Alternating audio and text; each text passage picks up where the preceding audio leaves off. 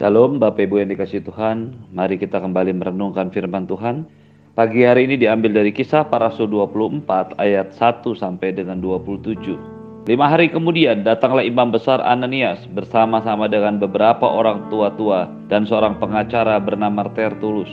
Mereka menghadap wali negeri dan menyampaikan dakwaan mereka terhadap Paulus.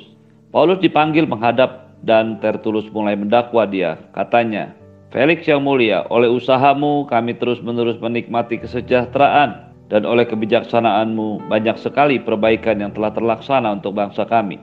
Semuanya itu senantiasa dan di mana-mana kami sambut dengan sangat berterima kasih. Akan tetapi supaya jangan terlalu banyak menghabiskan waktumu dan aku minta supaya engkau mendengarkan kami sebentar dengan kemurahan hatimu yang terkenal itu. Telah nyata kepada kami bahwa orang ini adalah penyakit sampar seorang yang menimbulkan kekacauan di antara semua orang Yahudi di seluruh dunia yang beradab dan bahwa ia adalah seorang tokoh dari sekte orang Nasrani. Malahan ia mencoba melanggar kekudusan bait Allah. Oleh karena itu kami menangkap dia dan hendak menghakiminya menurut hukum Taurat kami. Tetapi kepala pasukan Lysias datang mencegahnya dan merebut dia dengan kekerasan dari tangan kami. Lalu menyuruh para pendakwa datang menghadap engkau. Jika engkau sendiri hendak memeriksa dia, dapatlah engkau mengetahui segala sesuatu yang kami tuduhkan kepadanya. Dan juga orang-orang Yahudi menyokong dakwaan itu dengan mengatakan bahwa perkara itu sungguh-sungguh demikian. Lalu ahli negeri itu memberi isyarat kepada Paulus bahwa ia boleh berbicara. Maka berkatalah Paulus, Aku tahu bahwa sudah bertahun-tahun lamanya engkau menjadi hakim atas bangsa ini. Karena itu tanpa ragu-ragu aku membela perkaraku ini di hadapanmu. Engkau dapat memastikan bahwa tidaklah lebih dari 12 hari yang lalu aku datang ke Yerusalem untuk beribadah. Dan tidak pernah orang mendapati aku sedang bertengkar dengan seseorang atau mengadakan huru hara baik di dalam bait Allah maupun di dalam rumah ibadat ataupun tempat lain di kota. Dan mereka tidak dapat membuktikan kepadamu apa yang sekarang dituduhkan mereka kepada diriku. Tetapi aku mengakui kepadamu bahwa aku berbakti kepada Allah nenek moyang kami dengan menganut jalan Tuhan yaitu jalan yang mereka sebut sekte Aku percaya kepada segala sesuatu yang ada tertulis dalam hukum Taurat dan dalam kitab nabi-nabi. Aku menaruh pengharapan kepada Allah, sama seperti mereka juga, bahwa akan ada kebangkitan orang-orang mati, baik orang yang benar maupun orang-orang yang tidak benar. Sebab itu aku senantiasa berusaha untuk hidup dengan hati nurani yang murni di hadapan Allah dan manusia dan setelah beberapa tahun lamanya aku datang kembali ke Yerusalem untuk membawa pemberian bagi bangsaku dan untuk mempersembahkan persembahan-persembahan. Sementara aku melakukan semuanya itu, beberapa orang Yahudi dari Asia mendapati aku di dalam bait Allah. Sesudah aku selesai mentahirkan diriku tanpa orang banyak dan tanpa keributan. Mereka lah yang sebenarnya harus menghadap engkau di sini dan mengajukan dakwaan mereka jika mereka mempunyai sesuatu terhadap aku. Namun biarlah orang-orang yang hadir di sini sekarang menyatakan kejahatan apakah yang mereka dapati ketika aku dihadapkan di mahkamah agama. Atau mungkinkah karena satu-satunya perkataan yang aku serukan ketika aku berdiri di tengah-tengah mereka, yakni karena hal kebangkitan orang-orang mati, aku hari ini dihadapkan kepada kamu. Tetapi Felix yang tahu benar-benar akan jalan Tuhan, menangguhkan perkara mereka, katanya, Setibanya kepala pasukan Lysias di sini, aku akan mengambil keputusan dalam perkaramu. Lalu ia menyuruh perwira itu untuk menahan Paulus tetapi dengan tahanan ringan dan tidak boleh mencegah sahabat-sahabatnya melayani dia. Dan setelah beberapa hari datanglah Felix bersama-sama dengan istrinya, Drusilla, seorang Yahudi. Ia menyuruh memanggil Paulus lalu mendengar daripadanya tentang kepercayaan kepada Yesus Kristus. Tetapi ketika Paulus berbicara tentang kebenaran, penguasaan diri, dan penghakiman yang akan datang, Felix menjadi takut dan berkata, "Cukuplah dahulu dan pergilah sekarang. Apabila ada kesempatan, baik aku akan menyuruh memanggil engkau." Sementara itu ia berharap bahwa Paulus akan memberikan uang kepadanya. Karena itu ia sering memanggilnya untuk bercakap-cakap dengan dia. Dan sesudah genap dua tahun Felix digantikan oleh Perkius Festus. Dan untuk mengambil hati orang Yahudi, ia membiarkan Paulus tetap dalam penjara. Saudara Bapak Ibu yang dikasih Tuhan, kita sudah membaca dengan lengkap seluruh kitab kisah para rasul 24. Kita sudah tahu di dalam ayat-ayat dan pasal sebelumnya bahwa Paulus dibawa ke Kaisarea untuk menghadap wali negeri Felix oleh kepala pasukan Lysias. Dia dibawa ke sana supaya dia dihindarkan dari pembunuhan, komplotan pembunuhan orang-orang Yahudi yang hendak membunuhnya. Ketika Felix membiarkan orang-orang Yahudi, imam besar, datang untuk mendakwa dia. Ia mengadakan sidang pengadilan. Perhatikan baik-baik betapa bencinya, betapa dendamnya orang-orang Yahudi, tua-tua, pemuka agama, imam besar, sehingga mereka harus pergi ke Kaisaria untuk datang mendakwa, untuk datang menghukum Paulus di hadapan pengadilan wali negeri, gubernur Romawi yang berkuasa di daerah Kaisaria pada waktu itu.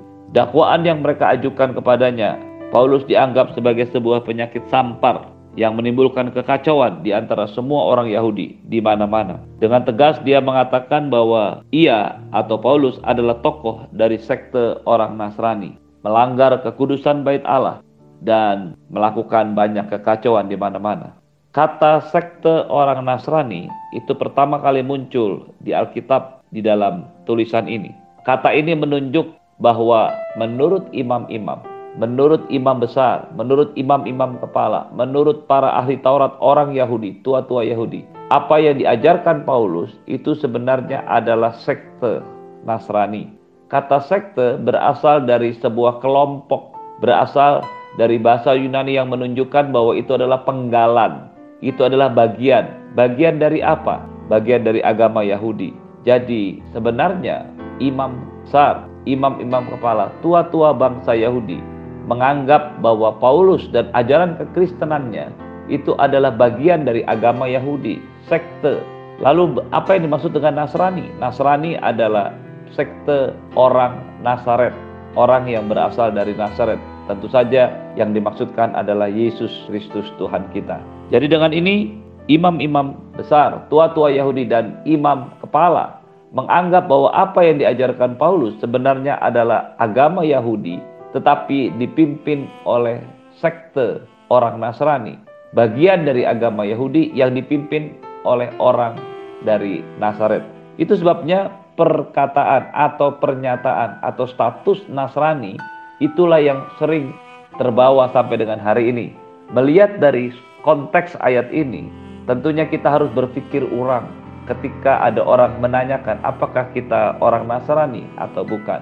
Tidak ada yang salah dengan sekedar penyebutan, tetapi kalau kita menyetujui panggilan bahwa kita adalah orang Nasrani, maka kita tahu bahwa sebenarnya pengertian mereka apa yang Anda dan saya percayai sebagai sebuah kekristenan, jalan Tuhan, itu adalah bagian dari agama Yahudi saja, bukan kehidupan atau agama yang baru, dipimpin oleh Yesus dari Nazaret sehingga dikatakan Nasrani.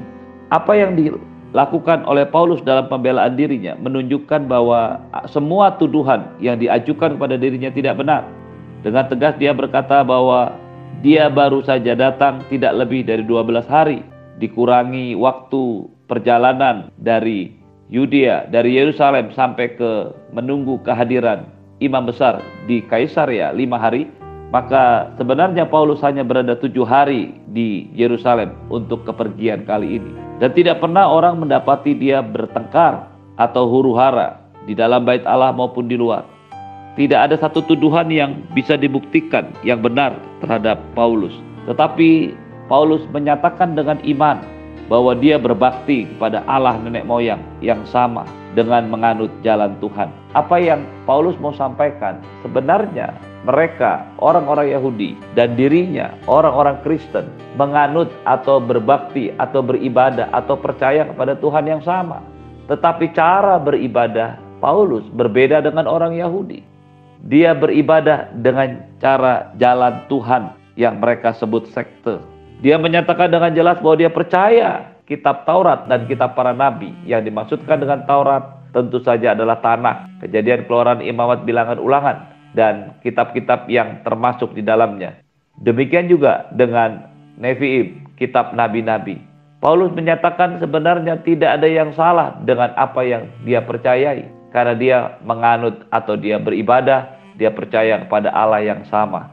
Tapi yang membuat berbeda adalah karena dia menganut jalan Tuhan. Yang dimaksud dengan jalan Tuhan adalah kebenaran kasih karunia yang didapatkan melalui Injil Yesus Kristus. Sebenarnya Paulus ingin menyatakan dia berbakti kepada Allah yang sama. Dia percaya pada kitab suci yang sama. Karena itulah yang diajarkan oleh Paulus kepada orang-orang Kristen. Kepada jemaat di Asia, di mana pun dia pergi memberitakan Injil.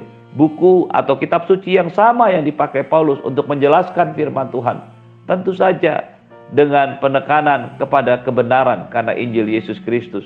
Hari ini kita harus berdiri pada kebenaran yang sama. Kita percaya Allah yang sama. Kita percaya pada kitab suci, kitab Taurat, kitab Perjanjian Lama, dan semua yang ada di dalamnya. Paulus berkata, "Aku juga menaruh pengharapan kepada Allah yang sama seperti mereka." Aku juga percaya bahwa ada kebangkitan orang mati, baik orang yang benar maupun orang-orang yang tidak benar. Dengan ini Paulus menyatakan dirinya, mereka atau Paulus dan orang-orang Kristen sama seperti orang-orang Yahudi, menganut percayaan kepada Allah yang sama, percaya akan ada kehidupan setelah kematian. Yang membuat Paulus berbeda adalah cara beribadahnya. Hal ini bukan berarti cara beribadah yang dimaksudkan adalah ritual agamawi. Paulus menekankan cara beribadah yang berbeda itu adalah dia senantiasa berusaha untuk hidup dengan hati nurani yang murni di hadapan Allah dan manusia. Mengapa hal ini berbeda? Melihat apa yang dilakukan, apa yang dikatakan, apa yang diajarkan, apa yang diperlihatkan oleh penganut agama Yahudi pada waktu itu Dimulai dari imam besar, imam-imam kepala, tua-tua Yahudi. Mereka mengatakan dirinya adalah orang-orang yang beribadah kepada Allah. Mereka menganut kepercayaan kepada Allah Abraham, Ishak dan Yakub. Mereka percaya bahwa akan ada kehidupan setelah kematian. Tetapi apa yang mereka ajarkan, apa yang mereka katakan, apa yang mereka perlihatkan dalam kehidupan menjadi sangat bertentangan Lihatlah bagaimana mereka begitu membenci orang-orang yang percaya kepada Yesus. Lihatlah bagaimana mereka begitu mendendam terhadap Paulus. Lihatlah mereka yang hidupnya tidak sesuai dengan apa yang mereka ajarkan. Di satu sisi mereka mengajarkan Taurat, di sisi yang lain mereka melanggarnya dengan terang-terangan. Usaha pembunuhan kepada Paulus, dendam yang menyala-nyala, penangkapan demi penangkapan, penganiayaan demi penganiayaan, tuduhan-tuduhan palsu, fitnah-fitnah yang diberikan kepada Paulus dan juga rasul-rasul serta penganut jalan Tuhan atau pengikut Yesus menunjukkan bahwa walaupun mereka percaya Allah yang sama, Allah Abraham, Ishak dan Yakub, mereka percaya atau membaca kitab Taurat yang sama dengan para nabi, tetapi mereka tidak beribadah dengan benar. Mereka tidak beribadah dengan hati nurani yang murni di hadapan Allah dan manusia. Itulah yang menyebabkan Paulus mengatakan, Ketika aku percaya akan ada kehidupan setelah kematian, maka aku senantiasa berusaha untuk hidup dengan hati nurani yang murni di hadapan Allah dan manusia. Saudara, Bapak Ibu yang dikasih Tuhan, kiranya ini menjadi sebuah penegasan akan apa yang Anda dan saya percayai, imani, hidupi, perkatakan, dan lakukan dalam hidup ini. Ketika Anda dan saya percaya Allah, Allah Israel, Allah yang hidup, Allah Abraham, Ishak dan Yakub. Ketika Anda percaya kitab suci seluruhnya, perjanjian lama, perjanjian baru. Ketika Anda dan saya percaya ada kehidupan setelah kematian, ada kebangkitan orang mati, baik orang yang benar maka dan orang-orang yang tidak benar. Maka satu-satunya yang membedakan cara ibadah kita yang benar adalah ketika Anda dan saya berusaha untuk hidup dengan hati nurani yang murni di hadapan Allah dan manusia. Apa yang Anda percayai, imani, katakan, perbuat, dan lakukan adalah sesuatu yang harus sinkron. Apa yang Anda percayai, imani, perkatakan, lakukan haruslah sejalan ketika Anda dan saya percaya kita punya Allah yang hidup, maka kita harus hidup dengan hati nurani yang murni di hadapan Allah dan manusia. Ketika Anda dan saya melakukannya, maka kita menjadi orang-orang yang bukan hanya percaya Allah yang hidup, tetapi memiliki kehidupan yang ada di dalamnya Allah bersama-sama dengan kita. Terimalah berkat yang berlimpah dari Bapa di surga, cinta kasih dari Tuhan Yesus, penyertaan yang sempurna daripada Roh Kudus menyertai hidupmu hari ini dan sampai selama-lamanya. Di dalam nama Tuhan Yesus semua yang percaya katakan amin. Shalom, Tuhan Yesus memberkati.